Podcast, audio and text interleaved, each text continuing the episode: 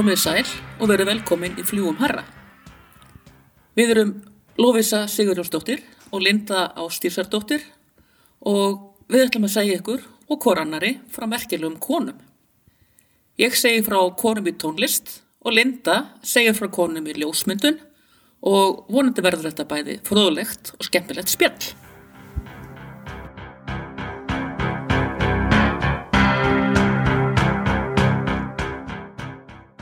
Jæja Linda, Já, góðan daginn, Lala. góðan daginn.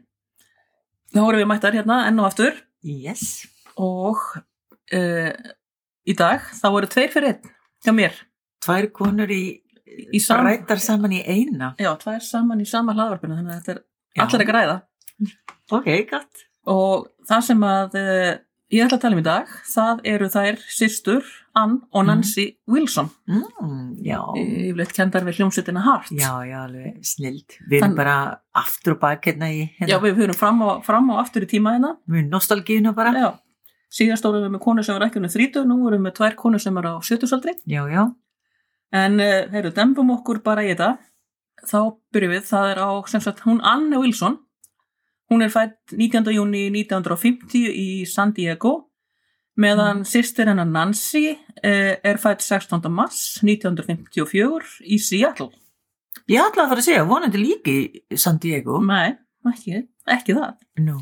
Það er eiga svo eldri sýstur hennar Lynn, uh, sem, uh, En eiga sem er mömmu. er sem mömmu, já, já, já. Já, sem að litlum sögum fyrir af en þær Ann og Nancy áttu heldur betur eftir að láta þessi kveða í tónlistinni þegar framlýða stundir. Mm. Þess að pappi þeirra, hann var fóringi í bandariska sjóhernum og í tengslu með það starfans þá flutti nefnilega fjölskyldan reglum á milli staða, bæði innan bandaríkjana og milli landa, Já, já. uh, þar sem sjóhörinn var með flótastöðvar og bjó, það er nefnilega útskýrið það að þær eru þarna, þetta er á staðnum, Já. hann er bara flutt á milli.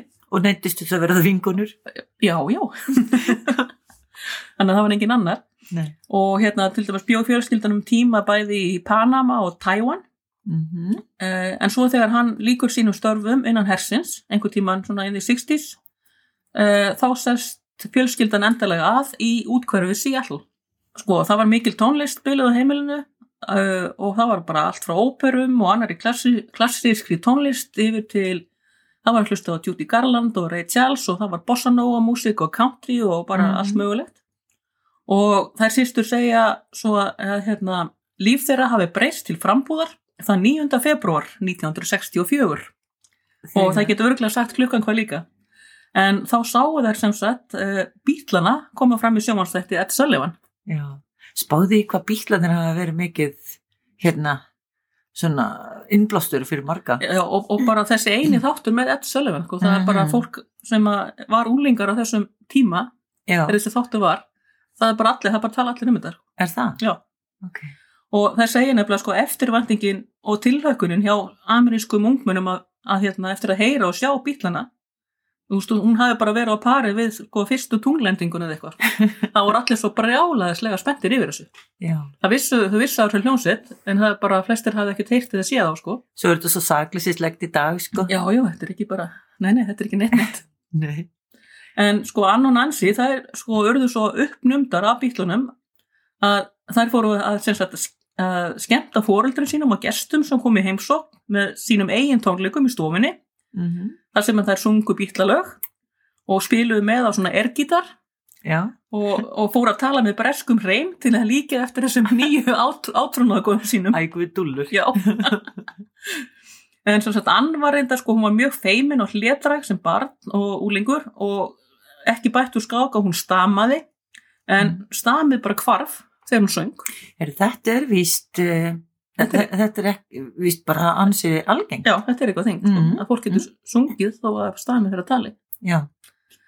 Og hann hún bara fór að Alltaf að syngja bara hérna. Get ég fengið kaffi, bolla. Ég vil fá mjó.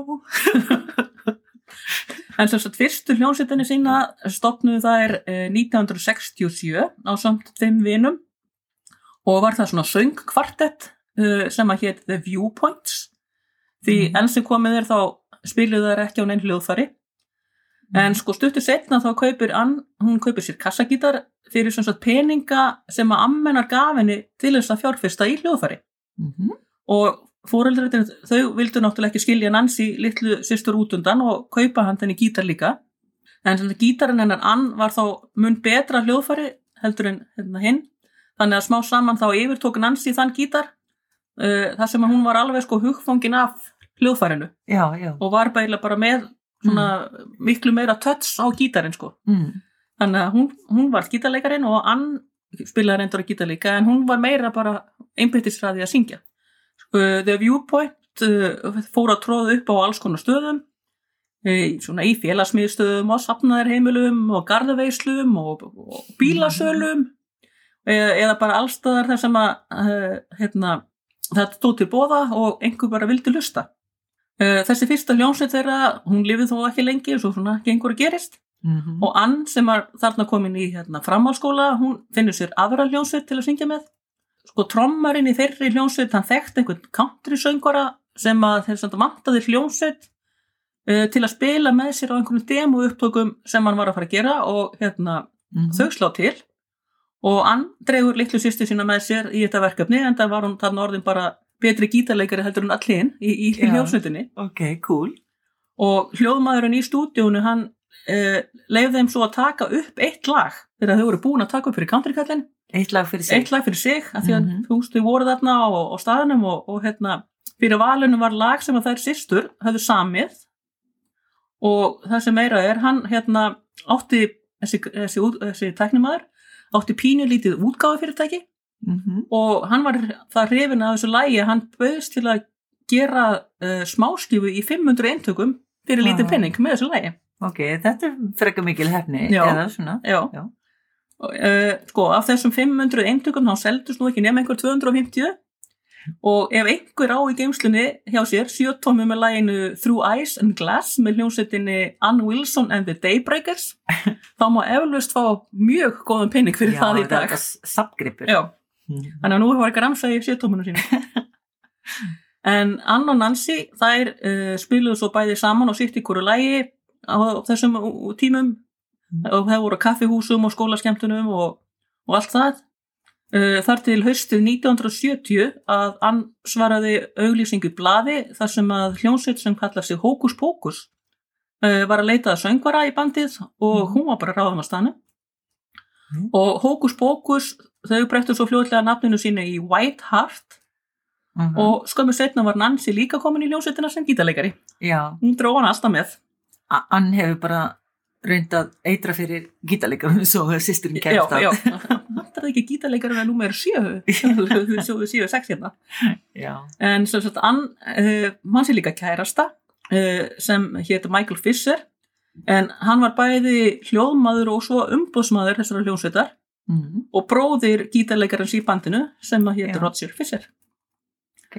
og þetta var á þeim tíma þegar hérna Vietnam stríðið var á fullu Mm. og ungir menn sendir í herin hvort sem þeim líkaði betur eða verð og Michael Fisher uh, honum líkaði herrkvæðningin sem hann fekk það illa að hann hérna, flúði til Kanada Já, gott hann. til að koma sér undan henni Mm. og eins og margir gerður reyndar á þessum tíma Já. og Ann, hún eldir hann þangað og aðrir hljómsveitamæðlimir flytja svo yfir landamærin svona einn af öðrum og eftir það Mm. fyrir utan Nancy sem að hún ákveður að vera eftir og hérna klára framhalskólan og í byrjun ás 1973 verður White Hart að Hart og svo flyttur Nancy Þá, þá þarna starfandi í, Í Kanada, já. já. og svo flyttur Nancy árið setna yfir til Vancouver þar sem að þau hinn höfðu uh, sest að og þeir stuttu setna að deyta gítarleikaran Rossi Fisher bróður Michael Fisher sem var kærasti hann Æ, þetta er hmm, krútt. þetta er grúflegt Þetta er bara byrjandi abba. já, þetta er svolítið nema þau voru ekki bræður og systur sko Nei. þannig eru systurnar að deyta bræður Já. og í Vancouver þá fara þau að spila á klúbbum og ekki leiðu löngu það til að þau urðu sér út um svona sendiferðabíl og þá gáttu þau að fara að spila á stöðum sem voru alveg alltaf sögðu bara 15-20 tíma akstur í burtu Já. þau kannandi stórt land Já. og þau bara skiptust á um að keira en sko hart þau spiluðu á þessum tíma mest svona kófuleg og svona en svo fara frumsami lög að detta inn og, og hérna, verða svona fyrirferða meiri í prógraminu. Og hljómsveitin nær að gera samning við lítið kanadíst útgáfu fyrirtæki sem hétt Mushroom Records.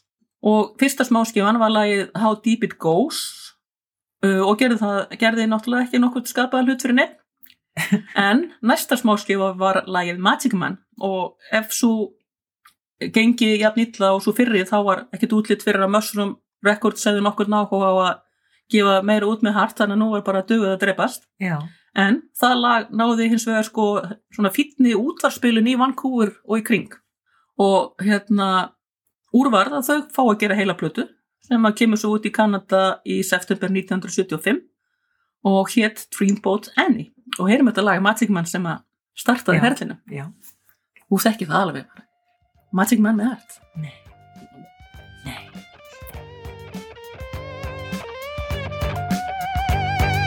Cold late nights so long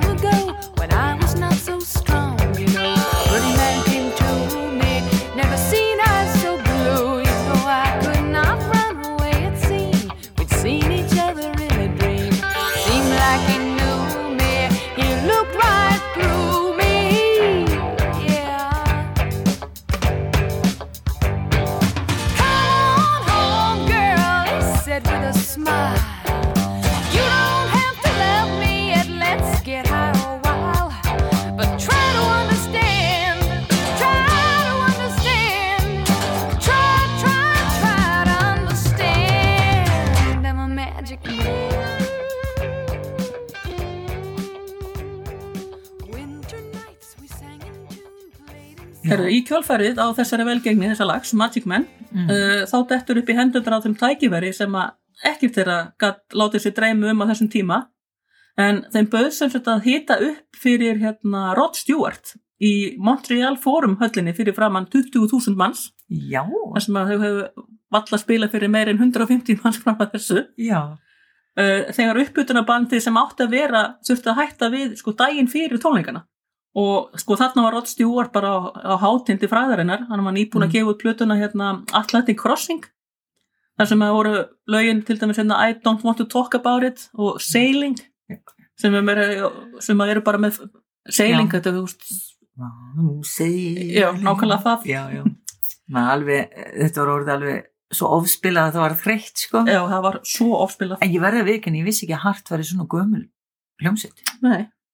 Sko, og talandi um þess að fórumhöll í Montreal sem er svo aðalega notuð fyrir svona ísokki og korfubólta og sem svona stærri hérna, tónlistaviðbörum eins og þessum tónleikum þá er sem svona platan, tónleikaplatan Exit Stage Left með hérna Russ hún er að langmastu leiti tekin upp í þessari Aha. sögufrægu all Ó, sem var ok. byggð 1924 Já, já, en sem sagt já, eftir Röss, maður bara, maður er næstu búin að gleyma Röss. Nei, hvernig getur þú glemt Russ? Nei, nei. það þurfti bara að minna mann á. Já. Já. En eftir þessa Rod Stewart tónleika uh, þá tekur plötusalan mikinn kip Mm. og hún seldist í einhvern sko 30.000 eintökum í Kanada þarna fyrstu mánuðina sem er bara bísna gott fyrir svona nýja óþekta hljómsveit Já, flóta með frá bandaríkjunum. Já, af því hún kom svo ekki út í bandaríkjunum fyrir árið setna Já. og í loka ár 76 þá hafðu selst um miljón eintök og lægið Magic Man það komst allavega í hérna sjötta sætið af Billboard listanum í bandaríkjunum þegar það kom út þar Flott. Sko, allt virtist nú því að þarna í hinnu mesta lukkunar velstandi og hljómsveitin á betni braut til fræðar og frama. Þau byrja að taka upp sína aðra plötu fyrir Mushroom Records og þar sem þeim fannst hljómsveitin svona, hljómsveit með þeirra svona sölutölur ætti að fá svona svolítið stærri bita af kökunni en Mushroom voru að skamta þeim. Mm Þá fóruðu þess að leita að fá herri prósentu af plötusölunni í sinn hlut. Finnst það bara mjög eðlilega krafa. Já. Mushroom hins vegar var alveg ósamala og hann neitaði og þessi neitun hún fór nú ekki vel í meðli með hart og ekki bætti úr skák sko þegar Mushroom byrtir heilsíðu auglýsingu í Rolling Stone rétt fyrir jóli 1976 sem átti að vera auglýsing fyrir Dreambotan í plötuna en mjög líklega í leiðinni diss á hljómsveitina Ok. fyrir svona- Óþekktina. fyrir óþektina og frekjuna eina gæsalappa Uh -huh. þar sem að hérna, það var myndað um annonals, uh, annonansi uh, þar sem að standa svona bak í bak, svona svipað og er á plötunni Já. og eru svona með berar herðar og, og hérna nema hvað textin sem að Mushroom völdu svo smekklega með þessari auglýsingu var It was only our first time Æ, og ekkert fór milli mála sko hver svo týraða merking átti að vera Já. Æ, guð, Spáði í þessu. glataðar. Já. Eh, Af því að bara- Drama. af því að þeir voru bara einhverja fílu sko á, Já, já, vildu kannski losna við þau. nei, þeir vildu bara alls ekki losna við þau af því Allir að- bara slá puttana. Já, já. Já, sko það er ann og Nancy urðu náttúrulega skiljanlegu öskurreiðar og, og hérna vildu rifta samningum við Mushroom ekki setna en strax Mm. uh, en þeir neituðu og hérna og þeir kröðu hljónsveituna um þessa einu plötu sem að samningurinn hljóðu upp á því að þeir geru samningu tvær plötur Já. og þau áttu eftir að skila einni Fóruðu þið þá ekki bara og skrölluðu ykkur bara, þú veist, lélega sjómanavísur og... hefði alveg getað gert það sko og það, það er alveg hljómsveitur sem hafa gert svo leið sko bara að gefa út einhver bull blötu sko ykkur algjör að Já. sem gæti svo kannski örgla orðið vins. Jú, jú. og bara á Já. en sko hart, þau standa fast á sínu og neita að vinna meira fyrir Mushroom og þau hefur samninga við, við annað fyrirtæki sem heitir Portrait Records Mhm. uh, Mushroom sem er þeim sem vil láta það ekki stoppa sig og þeir gefa út uh, plötu án leifis hljómsveitarinnar með fimm ókláraðum lögum sem þau höfðu verið að vinna að áður en allt fór í háaloft Já. og bæta við sko einu gömlu bjöðliðalagi og tveim live upptökum til að geta fyllt á heila, heila plötu og, og hérna kalla hana hérna magasín þar sem þessi plata er gefun út algjörlega í óþökk hljómsveitarinnar. eh, þá farðu þau fram á lögban á útgáfuna. Mm. og domstólinn uh, hann fælst á þá kröfu. Og sko mössum urðu að innkalla öll óseld eintök. Þannig að ef einhver á eintak sem að Þá er það líka líka sakgripur. Bannaða platan. en hérna domstólinn komst líka því að hérna hart skulduðu mössum eina plötu til þess að uppfylla samningin sem þau höfðu gert sín á En milli það tveggjablöðu saman. já Þannig að þetta endaði með því að hart þau kláruðu þessi fimm lög sem við voru byrjuð á Mm. á sínum tíma og hérna platan var sem sagt þá bara gefin út aftur með sama nafni bara með lögunum full kláraðum Já, já. Vá, þetta er svona, þetta er emmi svona nörda upplýsingar, sko. já. Já. þannig að Tvær útgáður af sömu ja, plötunni. Mhm. Já. þannig að hérna þar með voru þau laus við Mushroom Já. sko í millitíðinni hafði Hart nefnilega gert samning við þessa Portrait Records og gefið út sína aðra eða þriðju plötu eftir í hvernig maður Mhm. lítur á það Já. uh, í millitíðinni þannig að á tímabili voru tvær nýjar Hart-plötur í gangi og það var þessum þessi magasínplata og svo plata sem kom út uh, 1977 og hétt hérna Little Queen uh, sko fyrsta smáskifan af Little Queen var lagið Barracuda Já, það? já, já. Já.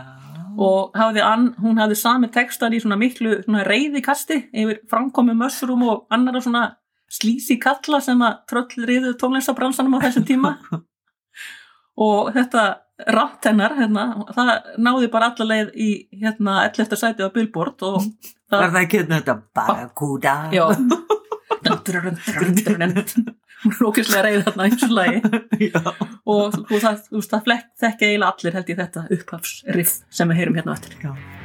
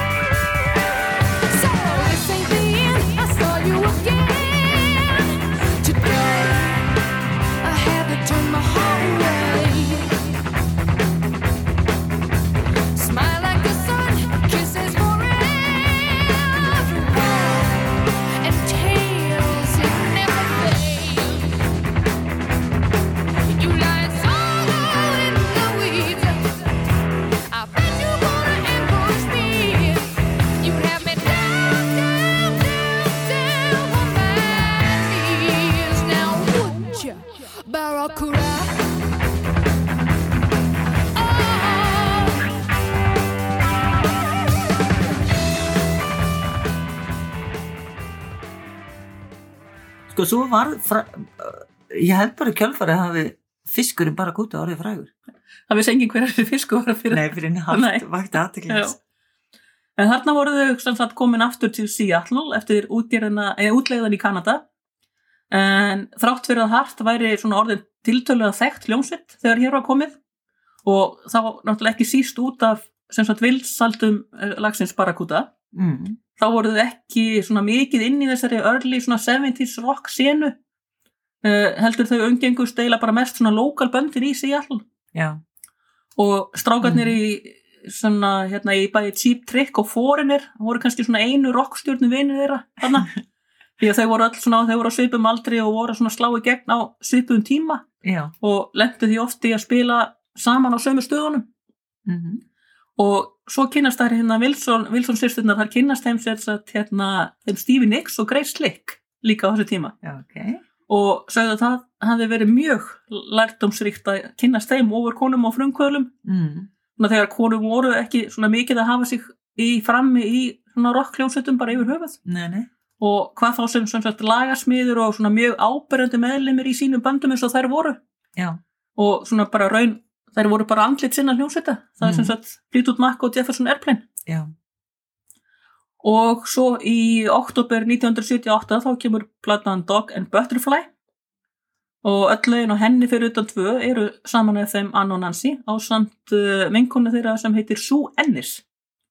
Ekki svo Ellen. Nei ekki Sue Sue Ellen, Ennis. Já.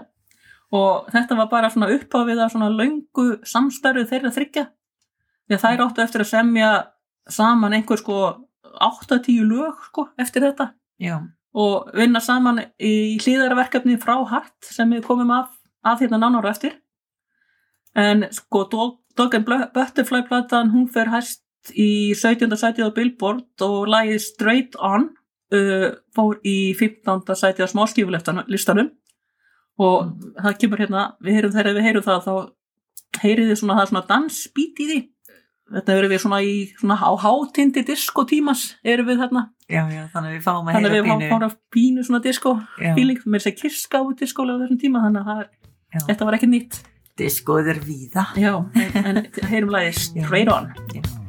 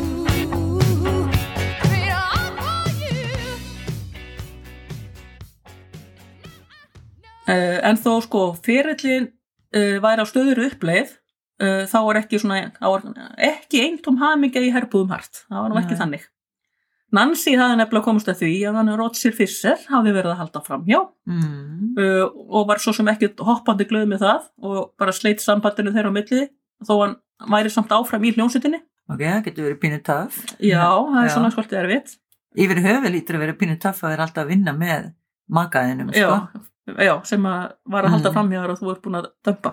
Já, en sko, og, ekki nóg með það skömmu setna þá komst Ann að því að hinn bróðurinn og sambílismöðurinnar hafði líka verið að halda framhjá mm. og hún bara skilaði honum hins nærast þau skildu þau skildu og þarna var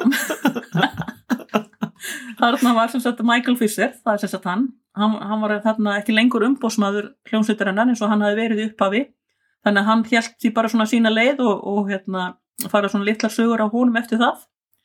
Af því Já. hann var ekkert meira tengdur hljómsveitin en þetta. Nei, nei, en, en hann uh, Roger, Roger heldur áfram að spila já, hann heldur að hann gítar, spila á já. gítarinn. Uh, sko, hann, Roger hann sá svona hins vegar eftir öllu gamlinu sem hann hafi haft við aðrar konur hann og áttaði sig á því að hann elskaði hann Nancy sína enn og vildi bara ná henni tilbaka Nancy hins vegar var að síður en svo tilbúin að fyrirgefa syndirnar og hún var auk þess orðin skotin í hérna trommuleikarum í bandinu já, sem hétt Michael DeRosier. Þannig að þetta var orðið hérna. mjög flókið. Já, þetta er Mm. flókið. Þetta fór ekki vel í auðmyggja Michael Fisher sem að, nei Roger Fisher sem að þurfti að standa upp á sviði með þeim á hverju kvöldi og láta þess að ekkert væri. Og á endanum kom að því að bara hann misti það alveg á tónleikum í Portland og fekk eitthvað svona brjálæðis dramakast á sviðinu og rústaði gítandu sínum og strunsaði burtu.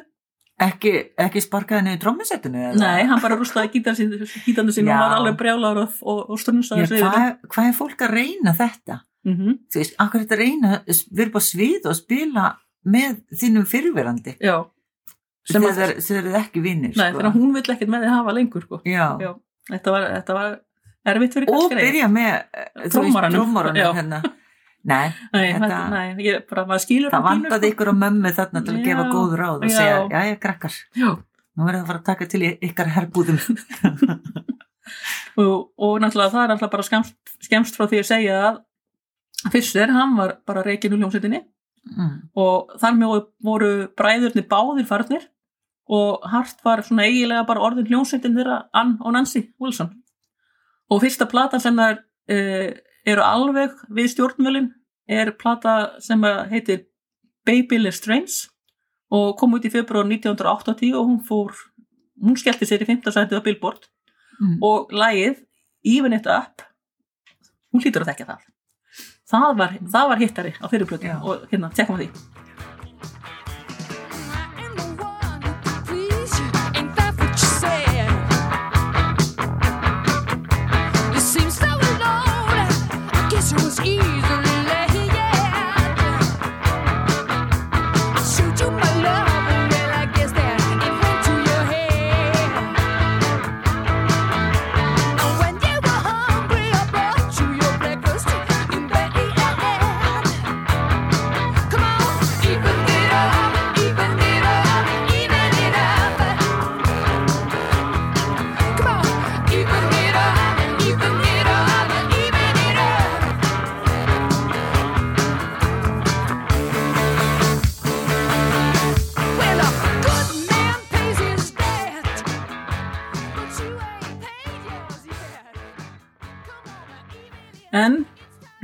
lífið var ekki bara að dansa á rósum eins og, eins og við vitum. Það hérna slitnaði svo upp úr sambandi þeirra Nancy og DeRosier Mm. trommarans uh, sem segir þeir að, að, hérna, að vera að deyta vinnufélagana er slæmhugmynd Í- já, og enda bara á einn veg sjáðu bara flýt út makk og abba þetta endaði ekki vel. Nei, nei, þannig að leitaðu út fyrir vinnustæðinni já, já, sko Ann, hún var líka enn að jafna sig á skilnaðinum við Michael Fisher og var svona ofan að það orðin svona hún var svona paranoid eftir hérna morðið á John Lennon, segir hún. Ó, og hún fór ekkert án lífarða og var aukið þess að missa sig svona í partistandi og, og hérna platan Private Audition sem kom út í júni 1982 hún bar þess svona greinlega merki og, og hérna það var ekki allt eins og það átt að vera. Já, og Private Audition seldist líka ekki nálægt í eins vel og plötunar á endan og ekkert lag á þeirri plötu var eitthvað sérstaklega eftirminnilegt mm. og eftir þessa plötu þá hættir DeRosier líka í hljómsveitinni já þannig að það kemur svona pínu Já, down, það kemur- down tími Dántími, já. Já. Og bara dántímin heldur áfram því að næsta plata þar á eftir sem heitir Passion Works, hún kom út 1983 og var eiginlega bara ennléleri og segir Nancy að þarna hafi allir verið komnir á kafi í kókainislu mm. og þegar hún, og hún segir sko um þetta tímabil að það hafi svona leið kókain skí yfir öllu eh, plötunum, vídeóum og bara öllu þeirra lífi. og það hafði greinilega haldið að vera að gera eitthvað masterpiece sko. já, já, já. Það var allir að gera masterpiece á kókaini. já, með að voru bara í ruglunni Þeim einu sem tókst að voru flýtut makk þegar þeir gerir rúmos. en það, Já, þeir voru alveg Já. sko með andlitið á kafi í hérna kókain í fjallinu en gáttu samt gert þess að geða ykkur plötu sko. Þetta er alltaf synd þegar hérna, og mér sé líka oft synd þegar haldið að það sé ykkur listunni til framdráttur að vera veist, hérna, vímaður Já, það var bara einhver svona fáraleg hefni sem að var til þess að súplata Já. var svona góð eins og hún var. já. En en svo En- kemur en svo því. betri tíma Já, já, já. og en sem sagt um þessa Passion Works plötu sko þá sagði einhver gaggrinendin It seems like the soundtrack of an uh, to an off Broadway show that closes after two nights það var svo lélegt já, og sko og, og hérna til að bætu grá og hana svart þá ákvað út, útgáfi fyrirtæki þeirra endur nýja ekki við, við hérna hljómsveitina samningin sem var að renna út þannig að þau voru orðin samningslaus og hann allt saman það er bara gott að það kannski ha- hafa ekki lengur efna á. Nei. Nei, nei, nú er ég verið leðileg. Ok, áfram, við býðum eftir betri tíma. Það, það komið betri tímar að blómi haga. En ljósið í myrkrinu fyrir Nancy allavegna var þó að þarna kynnist hún tilvonandi eigimanni sínum Mm. og hún hafði allavega lært það á reynslunni að fara út fyrir hljómsveitina í leitað kærasta þegar hún fann hann. Já, En þessi tilvonandi eigimaður, hann var fyrrum bladamaður á Rolling Stone og þarna uh, upprennandi handritsöfundur og leikstjóri að nafni Cameron Crowe. Mhm, og þau kynntust þarna 81 og svo giftu þau sig einhvern fimm árum sinna en nú var bara duga að dreipast fyrir hart uh, þau náðu að landa nýjum samningi við Capitol Records mhm. uh, þó hérna langt frá því að allir þar innanbúður hefðu haft einhverja trú að þessi hljómsveit ætti eftir að ná fyrir fræð Mhm. og flestir voru svo sem búin að afskrifa hana sem, sem, sem gamla lummu sem að ætti ekki afturkvæmt en einhverju Já. tóku þarna sénsinn En voru það búin að vera, var hljómsveitin búin að vera að túra þá samt öll Já, þessi já, ár? já, eða? já. eða sko, nei, hún tekur sér alltaf góðar pásur sko Mm, en, hérna, en var samt verið búin að, túra eftir þessar plötur já, uh, Ann Wilson hún reyndar sko, hún var líka að berjast það sem hún var alltaf að berjast í það var hérna þingdin eitthvað sem Já. hún hefði þurft að gera alla æfi og á sínum yngri árum ha- hafði hún til skipti sko brutt meðrunapillur og svelt sig sko til að halda yfir kílói. Mm, meðan Nancy sýsterinn hann þurfti ekkert að spá í neinu. Nei, hún var bara hefnari með þetta. Já. og Ann hafði bætt verulega á sig þarna þessi síðustu ár mm, og hafði af því að það myndi búin að hafa áhrif á velgengni hljómsveitarinnar í heimi þar sem að uh, allir eru fyrst dæmdir út frá útlitinu. Já, já, það er sorglegt. þetta er sorglegt Já. já. Og að tillögu þeirra nýja úgáfu fyrirtækis voru fengnir svona utan að komandi lagahöfundar til að semja lög á tilvölandi plötu með vonum að það myndi svona blása nýju lífi í ferilinn Mm. auk þess sem uh, upptökustjórin um koma við upptökustjórum Það hlaut já, koma. já, hann hlaut að koma Ron, hann heitir Ron Nevison hann var fengið til að svona slípa sándið og gera það svona nútímalegra Mm. en þarna hafi uh, hérna, hann hafi til dæmis unni með hljónsutum hann eins og UFO og Thin Lizzy og, og Survivor. Mhm. hann var alltaf fyrirskrali hjá honum. Og sko næsta plata hans og eftir þessa harplötu það var til dæmis hérna, það var platan Ultimate Sin með Ossi Osborn Já, ok. þannig að þú veist, þetta Já, er þetta já. sound sko á þessum tíma. Ég, þegar þú sagði Survivor, þá hugsa ég bara, já, það er nú svolítið sandið, já, hægjum þú tækjar um það. En Nefursson, hann hafi líka verið tæknimaður, uh, hann er búin að vera að vinna í þessu mjög lengi og hann hafi verið tæknimaður á Physical Graffiti í plötunum með Led Zeppelin sem var ymmit Mhm. upp á hans hljómsveit þeirra Wilson systra þannig að þær svona Mhm. voru alveg bara sáttar við, við hann. En sem sagt að fá utan að koma til lagahöfunda og skipta um upptökustjóra, það var bara sko toppurinn á ísekanum. Býtu bara. Sko hljómsveitin var öll sendið svona extreme makeover í útliti ok. hippalúkinu og fólkrokkinu því var hent út í hafsöga Mm og útgáfi fyrirtækið réð svona heitustu hönniði og stílista Hollywood á þeim tíma til að gera útlit, útlitið á þeim svona í takt við nýjustu tísku. Herðabúða. Já, já, það var bara verst að þessi tíska sem satt samastóð af svona spandexbuxum og korselettum og herðabúðum, háum hælum, túpuruðu hári og yfirgengilega miklu make-upi. Ekki bara hjá konunum, höllum kallanir þeir voru alveg eins. Já, ekki að fyrir að Steven Tyler hafi samilagði Dude Looks Like a Lady á þessu tíma það voru allir eins Já, mér finnst það samt svolítið flott. Við við á tónlista hérna, hljómsveitamyndir frá því 80s, ég elska þetta lúk og maður bara, ó, ég tók ekki einu sinni eftir þessu. ég var yngri, maður bara, nei, þetta var svona, maður fannst þetta bara cool. þetta, var bara svona, þú æði. Poison og hérna. Mötti Crew og Og Vorrant og það voru allir eins stelpur og strákur máttu líka bara vera já, maður mátti bara vera eins, eins.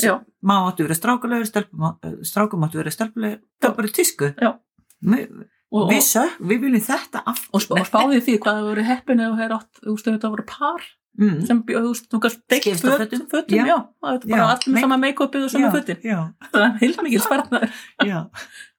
En sem sagt, útkoman úr þessu öllu var svo plata sem að kom út í júni 1985 og hún hétt einfallega bara hart, svona til að leggja á og slá að svona hér væri nýtt upphaf Já. og þessi fletta, hún bara gekk fullkomlega upp.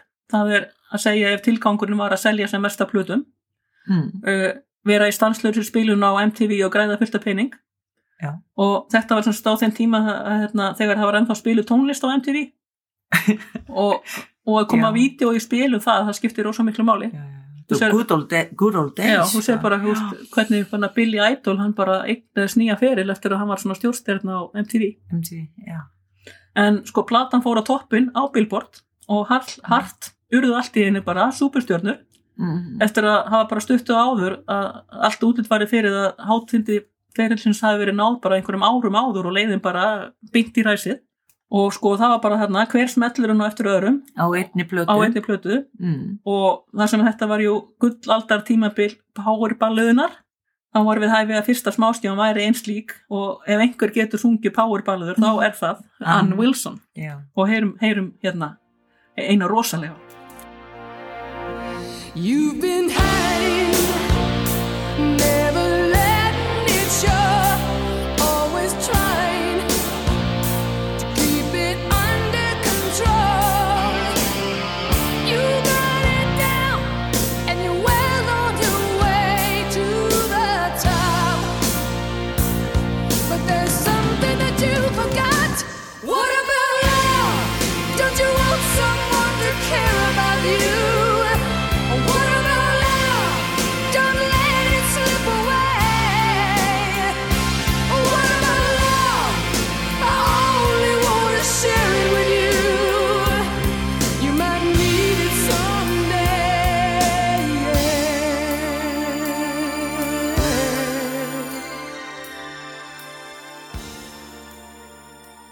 Sko, þetta lag, hérna sem við heyrðum, uh, What About Love, uh, þetta lag er upphaflega uh, með lít þekkt, þekktri hljónsveit frá Kanada sem að héti hérna frumlega nafni Toronto. Mm og uh, átti að fara á plötu sem var gefin út af þeim sem þeir gáði út 1982 og upptökurnar voru gerðar en þegar tilkom þá, þá hérna lögðust fjórir af sex meðlumum þeirra hljónsveitar gegn því að hafa þetta á plötunni því þeim bara fannst þetta ekkert merkilegt Ok. hini tveir sem voru höfundalagsins urðu svo pyrraðir yfir því að þeir bara hættu í bandinu Og tóku með og sér tóku, þetta tóku með sér þetta lag Já. sem hin, þeim hljómsveitin vildi ekki gefa út og, og uh, í kjölfæri þá bauðist hart að nota það á sinni plötu Og það slóði gegn. en the rest is history sem maður segir Já, þetta er bara svona eins og þú veist, gleyma endur nýja hafðrættismiðan sinni. já, þetta er eitthvað svoleiðis og ef máltækið sáhlær best sem síðast læg hefur einhvern tíman átt við Já. þá er það þarna. Og höfundalagsins hafa bara hleið alla leið í bankan eftir að það fengir stefkjöldi sín borgu. Meðan hinn er hérna meðlega með Toronto nöguðu sig í handabökinu öruglega upp á öxlum. Æ, Ah, ég er alltaf svolítið samúða fulla að heyra þetta. já, Já. Nei, þetta er bara svo lélegt lag við viljum það ekki. Já. en það seldist í 10 miljón eintökum með annari hljónsveit lúsur. Já, það bara sýnir er ólíku tónlistasmakkur. já, já, já, og þú bara, bara líka sína það að þú getur ekkert séð fram í tíman Nei. en sko uh, þó Ann segja þær systur hafi varla þekkt sjálfa sig í speikli eftir þessa yfirhellingu alla og Power balluður ekki alveg verið þeirra aðalsmerki fram að þessu þá hafi svona fræðin fært þeim svona alls konar fríðindi upp í hendunar Mm. þú veist, þú fær alltaf bestu sætin og veitingastöðum það er alltaf verið að gefa þér eitthvað dót Meira celeb vini. meira selip vini og þér finnst ekkit aðdöguvert við að drekka kampavín í morgumat og sko þegar næsta plata kom út 1987 uh, þá var haldið fast í sömu formúluna. Silki mjúkt MTV yðnarokkið og power balluðurnar á sínum Mhm. stað. Og svo plata fekk nafnið Bad Animals og kom út 1987 eins og ég sagði. Og lagið Alone þekkjum við vantarlega flest Alone. nákvæmlega það Sýsti mér spilaði þetta einhvern tíma fyrir mig og hérna, fekk eitthvað sendibrif og var alveg bara svona heartbroken, sko. Áttast Heartbroken heartbroken, já. Var í hjartasorg og, og hérna, ætlaði bara að fara á grenjið og sjálfsvorkun og spila á þetta hátt fyrir mig. og ég, hérna, já, þetta var svona hláttu skast. Ég- Þannig ég man alltaf hvernig þetta lag kom út. Já Og sko þetta lag skellti sér bara toppin á, á Billboard 100 listanum. Já, þetta er fyrir. Já, Ruth mín, hæ. Hér kemur lagið Alone og búst Ann Wilson, sko, hún neglir þetta. Já, þetta er geggja.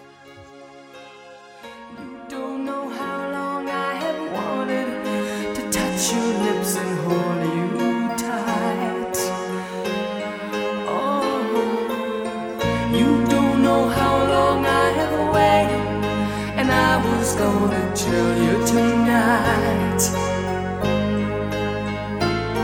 But the secret is still my own.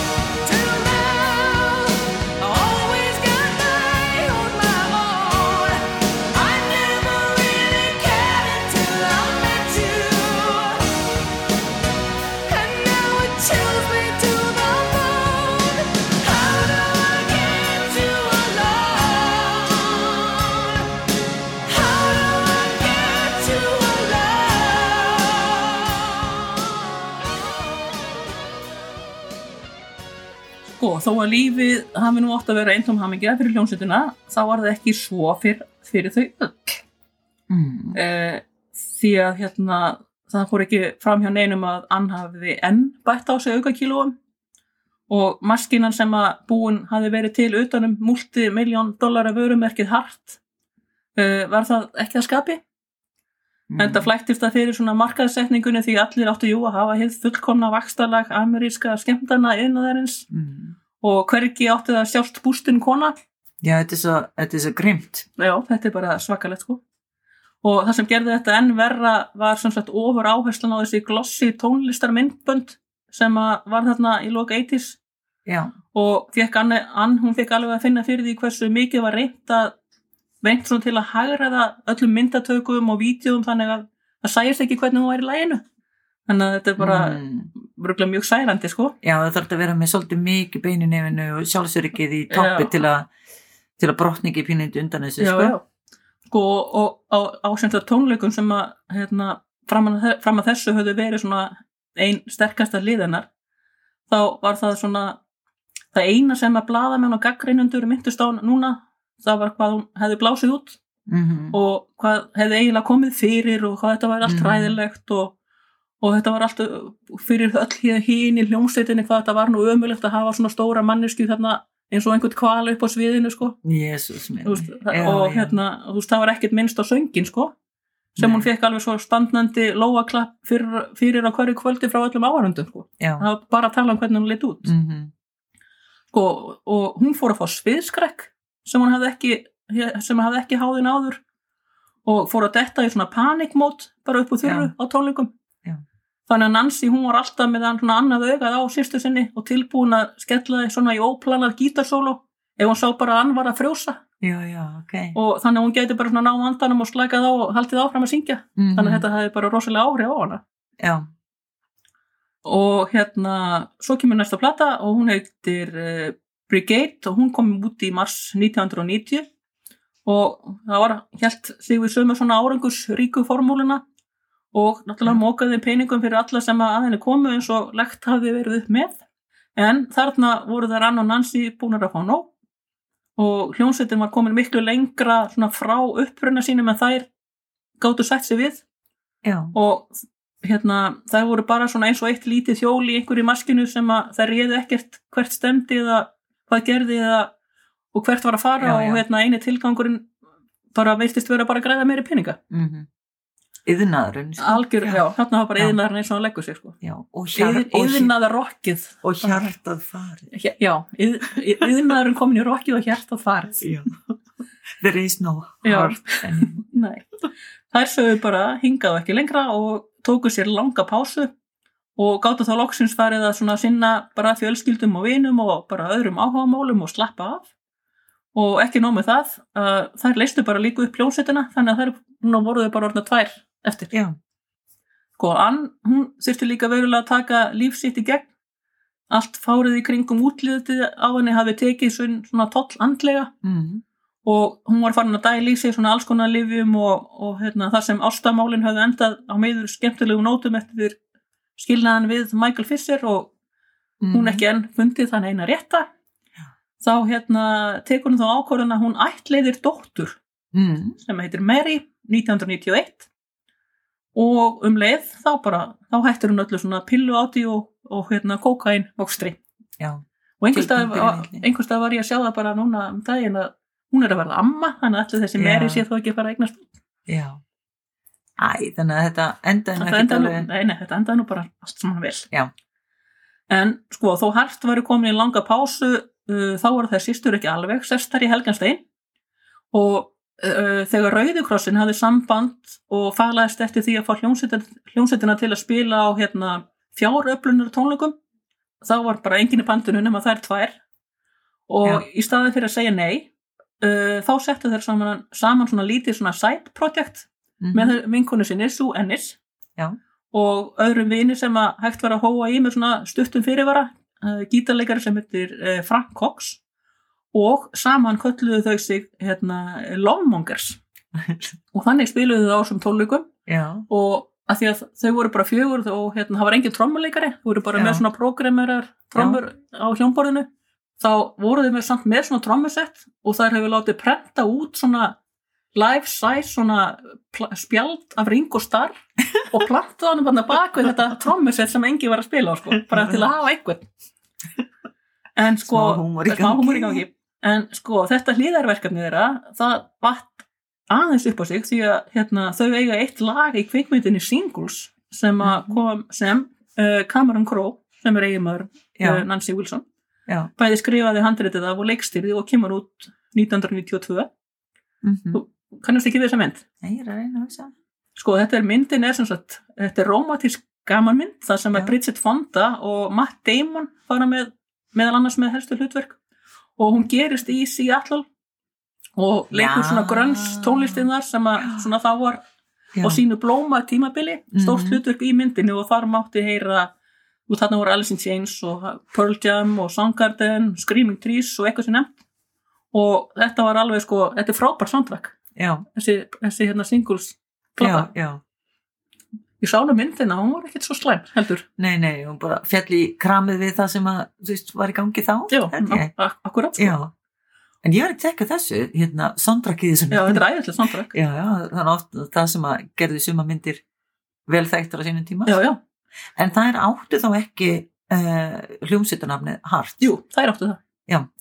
En bara fyrst þar voru ekki með þú veist, eh, þá, þá grúpu saman setta þá bara ákvaða frekar að gera já, nýtt hljómsveitunafn já, það, já Mhm. það voru voru ekkert búnar að ráða nýja hljónstöðmeðlimi sko. Nei, nei, og engi búin að æfa og ekki neitt sko. já, og sko lægi sem að Lofmongers eiga á þessar plötu, þessar singulplötu hérna, með tónlistin úr myndinni er hérna gamla Led Zeppelin lagi The Battle of Evermore Mhm. og þetta er alveg sko algjörlega briljant útgáfa hjá þeim á þessu lagi og þær Ann og Nancy þær sko gjörsalega negla söngin í því og gera það bara alls ekki síður heldur en hérna Robert Plant og Sandy Denny gerðu á upprunalegu útgáfanni vel sagt Já, og tókum þessu, þetta er alveg þetta eru stóra orðlóð Já, þetta þetta er ótrúlega flott já.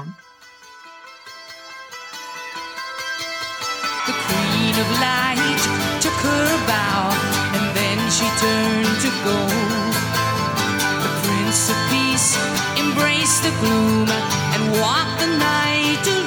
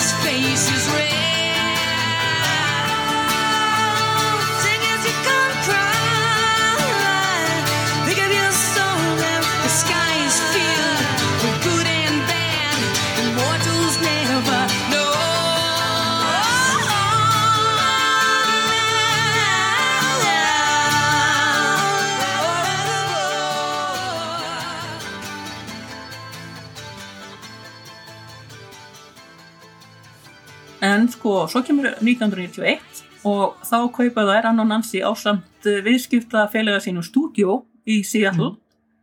Uh, gera það allt upp og græja samkvæmt svona nýjustu tækni í þeim gera og kölluðu það Bad Animals Studio.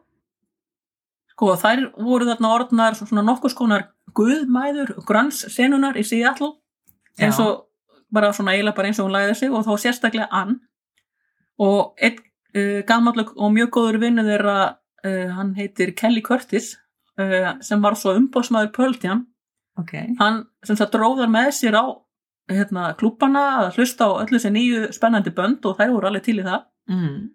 og þetta var bara spretta fram að þessum tíma og þær kynnast sko mörgum að þessum uh, hljómsveitum svona persónulega, kynnast Já. strákunum í þessum böndum. Og þessar hljómsveitir áttur svo margar eftir að taka upp líka í stúdíónu þeirra og þær voru alltaf sko tilbúnar að gefa góð ráð varðandi bæði tónlist og tónlistabransan og það Já. var alltaf hægt að leita til þeirra sko það er svolítið orðnar svona fornar í bransanum og, og hérna Já, þe- og þeir bara sko leta bara svona rosalega mikið upp til þeirra sko. það Já. var ekkert mikið að fræðum hljómsveitu frá Seattle, Nei. annað heldur en kannski bara þær og hérna þær einhvern veginn svona þær svona duttu svolítið inn í þessa senu já, af því þær voru alltaf svolítið mikið inn í lokal senunum þarna Já. í Seattle Já. Og Ann, hún bjóða þessum tíma í svona stóru fallegu húsi svona miðsvæðis í borginni og þanga voru bara allir velkomnir til að Mhm. spila tónlist og hlusta tónlist og ræðum tónlist og lífið á tilveruna og bara allt mögulegt sko, Mhm. það var bara opið hús hjá henni já, og þær urðu sko mjög góði vinir margra þessara stráka og, þó, og hérna þegar uh, Alice in Chains gefa út uh, akústik epiplötu sem að heitir SAP mm Mhm. 1992 þá hérna syngur Ann með þeim í þeim lögum á þeirri plötu og heyrum annað þeirra og það er æðislegt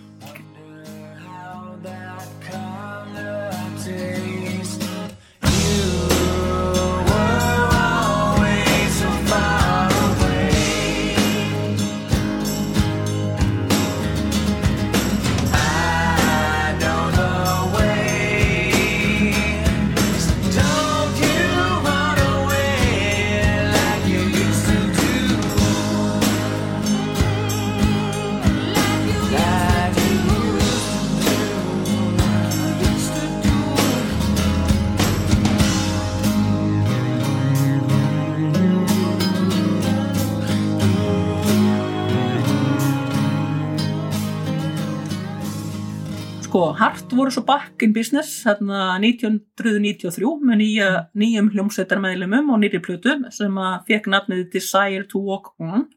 Og þarna voru það sýstur aftur farnar að semja megnið af lögunum eins og þeir höfðu gert ásamt hérna Sue Ennis. Já. og þessi plata var ekki eins glossi og slípuð og, og þær á undan en samt svona voðalega svona 90s það var svona þannig einhvern veginn sand á henni.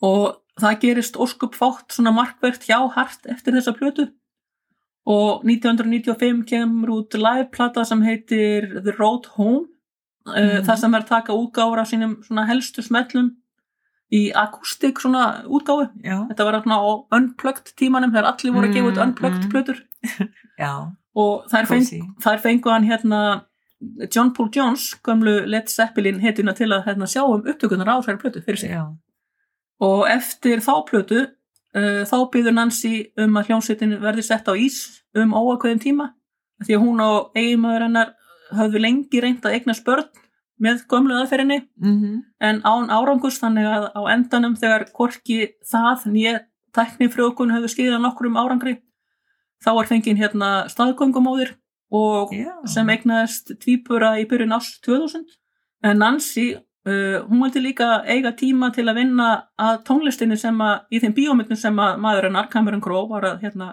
uh, hann var með í bígerð og hún hefði lítilega, hún var hérna með Lofmungus voru hérna með lagi singlesmyndinni Mm. uh, hún hefði lítilega komið við sögu í myndinni Say Anything sem að ég kannast ekki við Nei. og, en þegar kemur á næstu mynd hjá Cameron Crowe sem að var hérna Jerry Maguire mhm, uh, þá sá sem sagt Nancy um að velja alla tónlistina í myndina auk þess að Ok. hún uh, á þar tvö lög sjálf og þó hært væri þannig pásu uh, þá komur Lofmonger saman reglulega og þau gáðu plötuna Worldly Gig 1997 þeim er bara finnst, finnst gaman að djama saman já þetta var bara vinnur og þau voru bara að spila spila, saman, já, já. já. og þetta var engin svona formleg hljómsveit eða neitt sko, þetta Nei. var þau bara fóru bara inn í stúdíu þeirra Mhm. það kostaði ekki Já. Og þau gáðu þessa plötu Worldly Gig 1997 og áður höfðu þau gefið út uh, fjóralega EP-plötu og á henni var meðal annars þessi útgáfa þeirra hérna, Battle of Evermore. Mhm. og hérna Hart þau nefnilega skulduðu Capitol Records eina plötu en til að klára samningin sem að gerður hafði verið á sínu tíma. Og það sem Hart var í svona í langri pásu uh, þá notuðu sko Anna Wilson, Anna og Nancy þessa hérna Longmonkers plötu til að uppfylla þann samning. Og, og komist upp með já, það. já, komist upp með það. Og því þetta voru allt bara frumsamur lög eftir þær og svo enni sásarplötu þannig að þá gáttu þeir klára þann samning. Og líka í hérna þessari löngu hart pásu þá hérna ætleiðir ann sitt annar barn uh, svonin Dustin og hún fyrir líka í hérna magaminkunar aðgerð. Já. og þannig reyndi þannig að ná tökum á þingdinni svona ískipti fyrir öll og held að það er bara gengið bara fínt til þessa dags í dag. En sko Nancy hún heldur áfram að sjá um tónlist í bíómyndum sem að Cameron Crowe leikstýrir. Og næsta mynd hún verður alveg reysasmellur mm. og það er hérna myndin Almost Famous sem að gerði hérna Kate Hudson að superstjörnu. Já, ok. Og sko Nancy hún bæði velur alla tónlistana sem heyrist í myndinni og hún semur lægið Fever Dog sem hinn svona uppskáldaða hljómsveit Stillwater sem að myndin fjallar svolítið um flytur Já. og hérna og hérna fyrir soundtrackið af þessari mynd þá fær hún hérna Grammy-verlun 2001 já, ok, yep. og heyrum hérna ég ætla bara að segja að heyra það lag. já, heyrum hérna Já. Stillwater með lægið Já. Fever Dog Fever down,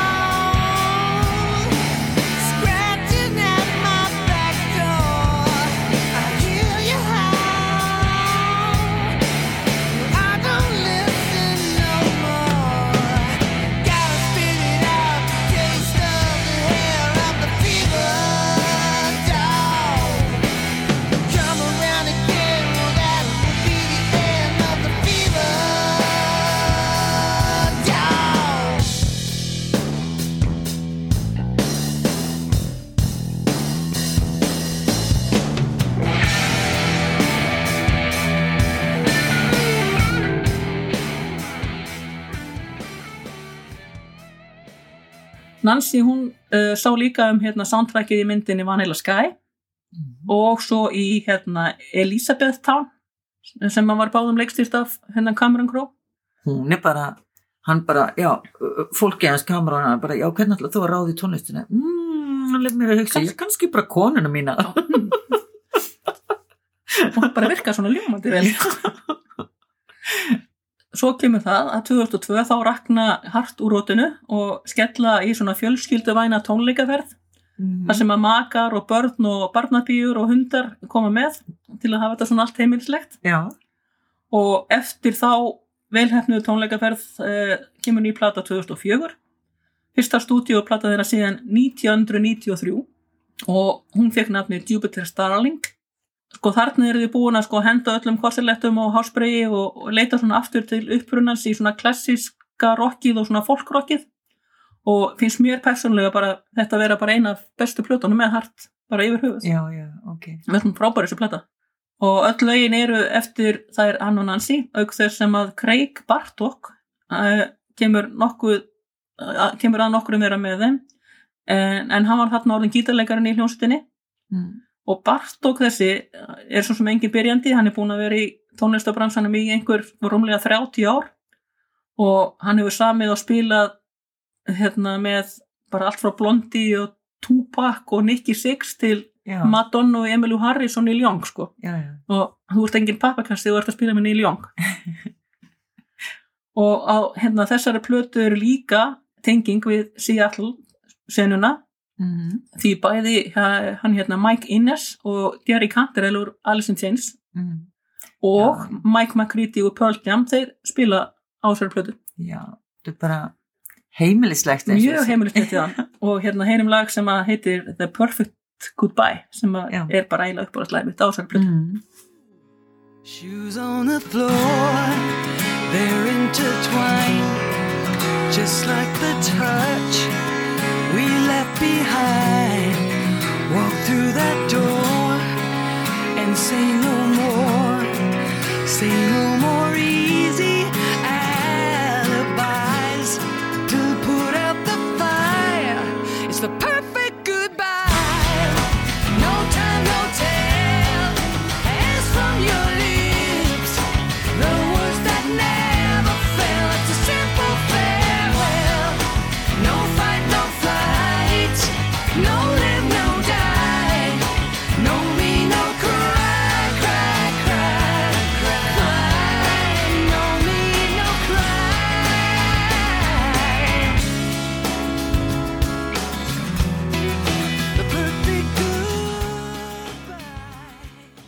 Eru eftir þetta uh, taka part, Mm. hart sér aftur pásu, það eru alveg duglegir að taka sér pásu til að bara gera eitthvað annað. Ertu að segja mér að sé ennþá starfandi? Já, já, hart er bara ennþá Mm. starfandi.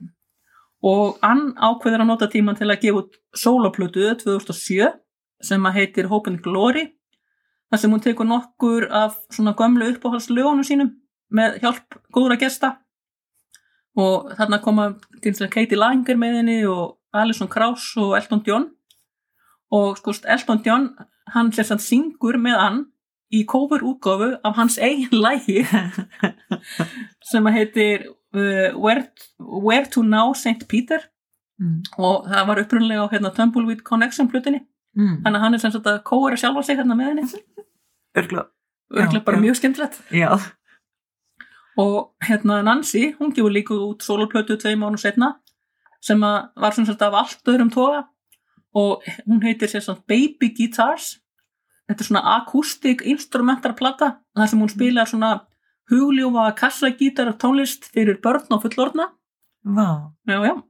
og um þessa plötu segir uh, a melodic collection uh, of acoustic uh, lullabies that will bring sweet dreams to children while delighting their parents Þetta er kannski eitthvað sem ég geti hlusta á þess að, þú veist, slóst við hérna, hérna, pottet sko til þess að, svæfa mann og alltaf að leita einhverju nýju sem er ekki áþálandi. sem er ekki svona, sem bara þægileg og rennur svona ljúft í gegn og bara Sö, já, sumar svona dáleislur eða hugle, hugleislur eru nú alveg óþólandi. já, en sem sagt tónlist fyrir börn þarf nefnilega ekkit að vera óþólandi og Tóttan sé það oft, Já, en já. já, akustik þetta er af því, að, yfirleitt er tónlist fyrir börn það óþólandi að þið langar bara til að opna þér aðjarnar við að heyra hana sko Teletubbies-lægi til dæmis. Nei, ég ætla ekki að fá það á heila. Ég, ég skal syngja fyrir Nei, þig, tele, takk, Lolla, ég skal syngja fyrir þig. Teletubbies. nei, nei. Og sem sagt í ágúst 2010 kemur næsta plata með hart og hún heitir Red Velvet Car og hún er að skella sig bara inn á top 10 á Billboard og er þá fyrsta plata þeirra til að ná þanga síðan bara 1990 og í millitíðinu hafi Nancy þó skilið við Cameron Crowe eh, meðan hann, hann hún hérna hálf draf sig og drikju já, því að þó hún hafi hætt í öllum svona harðari efnum þegar hún ætleiti hérna, fyrra barni þá held hún samt áfram að drekka. Sem endaði náttúrulega með því að lifrin bara sagði hingaðu ekki lengra og, og hérna, hún endaði bara á bráðamótök og sjúkurósi og, já, og þá var bara tappinn settur í kampavinsflöskuna og að sögn Mm. þá hefur hann ekki verið tekin úr síðan. En 2012 kemur út platan sem heitir Fanatic og sama ár er þeim systrum sem svo búið að koma fram á viðburði sem heitir hérna, Kennedy Center Honors og er haldinn í Kennedy Center Opera House í Washington og er búin að vera uh, það allan, alveg síðan 1978 og þarna eru sem sagt heiðraðir listamenn sem eru taldir hafa lagt mikið að mörgu, eitthvað mjög merkilegt að mörgum til uh, bandarískrar menningar. Já, uh, og þessi listamenn geta verið bara hvaðan að var að úr heiminum þó að langt flesti séu heimamenn.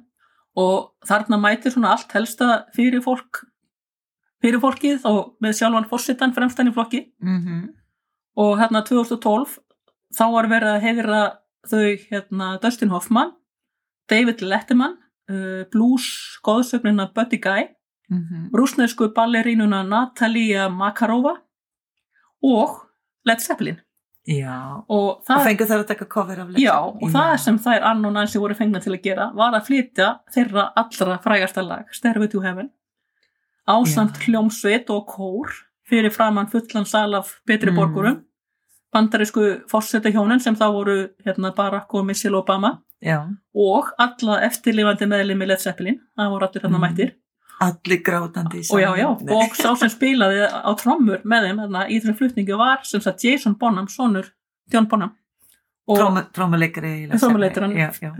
John Bonhams heitins trommuleikar og Led Zeppelin já, já, ef þetta er einhver ungi hlustundur hérna sem Já. veit ekki já og sko, þetta er alveg magnaður flutningur hjá þeim og hérna gömlu kallarnir þeir voru bara hálf skælandi þarna eftir Já. og hérna við setjum vídeo við þetta inn á Facebook síðan okkur það veit ég að þú verður að sjá þetta líka sko. Já. Og enn og aftur er það ann sem alveg bara neglir þetta. Svo koma því hérna 2013 að Hart þau voru við inn í Rock'n'Roll Hall of Fame. Mm. og var það Chris Cornell úr Soundgarden sem að held víksluræðuna Já, þannig að Seattle tengingin aftur. Já, og talaði meðal, meðal annars um hvað þær Ann og Nancy uh, hafi verið svona miklir áhrifavaldar og, og svona mikilvægar fyrirmyndir í tónlistarsprengjunni sem að varð í Seattle upp úr 1990 mm, og hérna erum við komið til 2016 þá kemur platan sem heitir Beautiful Broken. Og hún innir heldur uh, svona nýjar útgáfar af eldri lögum uh, þeirra ásamt svona tveim nýju lögum. Þá eru það bara endur útgefa svona gömmu lög. Svo uh, eftir eina tónleikana á túrnum sem að hérna fylgdu eftir þeirra voru að fylgja eftir þessara plötu að þá hérna er það eigi maður Ann sem hún hafi gifst af einhverjum nokkrum árum áður.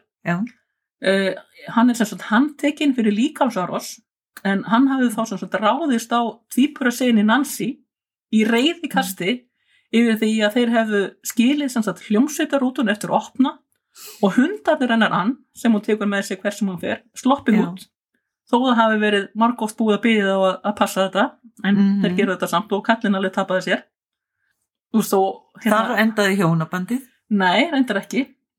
En sko þó ólengar geti verið gjössalega óþólandir samt, veist, alveg óþóra að breytast í törminitur og taka það á hálstæki, sko. já, En hérna, eftir þetta atvik, þá varð bara algjört frost í samskiptum sem þeirra systrana. Og þó að, já, hann, já, já, já, og sko þó að hart kláraði já, þess þetta var ekki maðurinn hennar, þetta var maður hennar Ann sem að réðst á, á strákan hennar Nancy. já, já, Og þær bara hættu að talast við. ægilegilegt, og þær kláruðu reyndar þess að tónleikaferð en, Mm. þær töluðust ekki við nema í gegnum þriði aðala og bara hljómsveitin var bara sett á ís og þær töluðust reyndar ekki við bara í marga mánuðu eftir. Og sneru sér bara alfarið að svona sínum sólaverkefnum bara það var bara spurning hvort það myndi bara einhvern tímann ræða saman já, aftur, bara, bara, já, Já. hvort það bara, bara splittaði bara með familíinu sko. Já, uh, sko Ann hún gefur út sólaplötu 19, 2018 sem heitir Immortal sem var svona líka coverplata eins og platana eins og hérna Hope and Glory var og á henni heiðrar hún minningu Chris Cornell sem að list þarna árið áður já, með alveg frábærum flutningi á hérna uh, audiosleif-læginu I am the highway og við Mhm. verðum eiginlega að heyra það. pearls and swine bereft of me.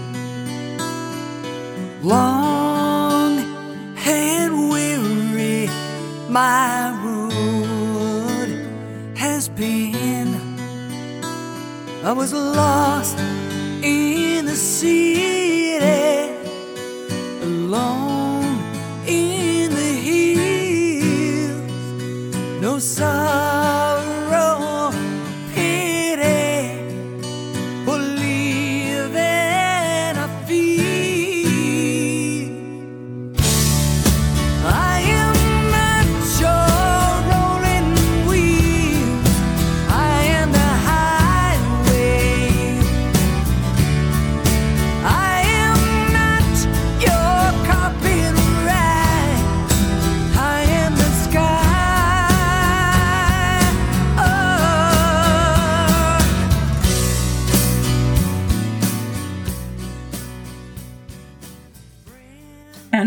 svo kemur að því 2019 Mhm. að þá gáðu hart það út að pásan var að enda og hérna þær sýstur höfðu greinlega sæst og hljónsveitin farin að undirbúa tónleikaferð sem að ekkert varð út út af dálitlu já, COVID-ið okkar, COVID-ið okkar sem að hefur komið í sögu hérna áður. mm -hmm. Þær sýstur, þær náðu þó að hérna, spila einu sinni saman á sviði áður en allt fór til fjandans hýrsunum og það var sem sagt á fjáröflunar tónleikum fyrir samtökin God, uh, sem, samtök sem heita uh, God's Love We Deliver og sem hafa það hlutverk að hérna dreifa ókeipis máltíðum til hérna uh, þeirra íbúa New York sem að sögum einhverja svona alvarleira veikinda eiga Mm. erfitt með að útöðu sér mat mm. bara komast bara ekki úr rúminu eða eitthvað þannig sko. já, þessi samtök þau þjónusta um 10.000 manns á hverju ári með Í matarsendingu í New York. bara í New York. Eins og sérstætt maður, maður skilur allt þetta góðgerða samtök og svona sko. Þetta er ekki bara svona eitthvað svona nei þetta er ekki flugvélulega Þetta er er mótihjól ég get hægt að blóta ekki, er ekki, ekki að blóta flugvöldin núna. Já, þú ert að segja með hérna Já, með þetta, þetta hérna, kerfi, góðgerða samtaka kerfi í bandaríkunum, hérna heima þá er þetta bara svona eins og viðbót já, við það sem að samfélagi veitir, mm en þarna virðist þetta vera bara svona, þú ert í bara bjargan mannslífum. já það, það er bara ekkert ríkið sér ekkert um þetta sko. Nei, mikið, mikið sérstækt. Já.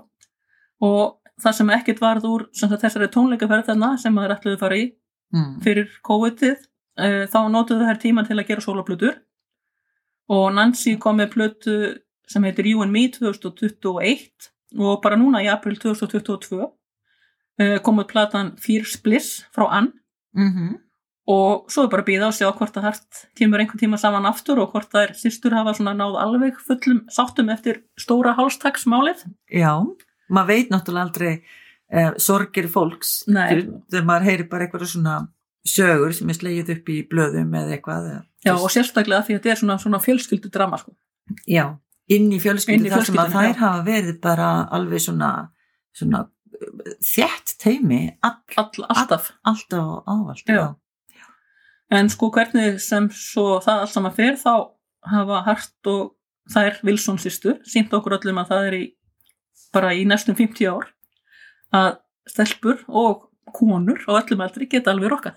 Þetta, glæslega. Já, Þetta er miklu, hérna, uh, ég þarf að hlusta alveg fullt, ég held ég vissir það sem ekki um hart, eða þú veist. nei, Nei, Hart sko hérna þessi, þessi þetta nýrra tímabil eftir hérna spandex tímabili sko. Já, það er eins og, eins og það hefur bara farið framhjá rosalega mörgum.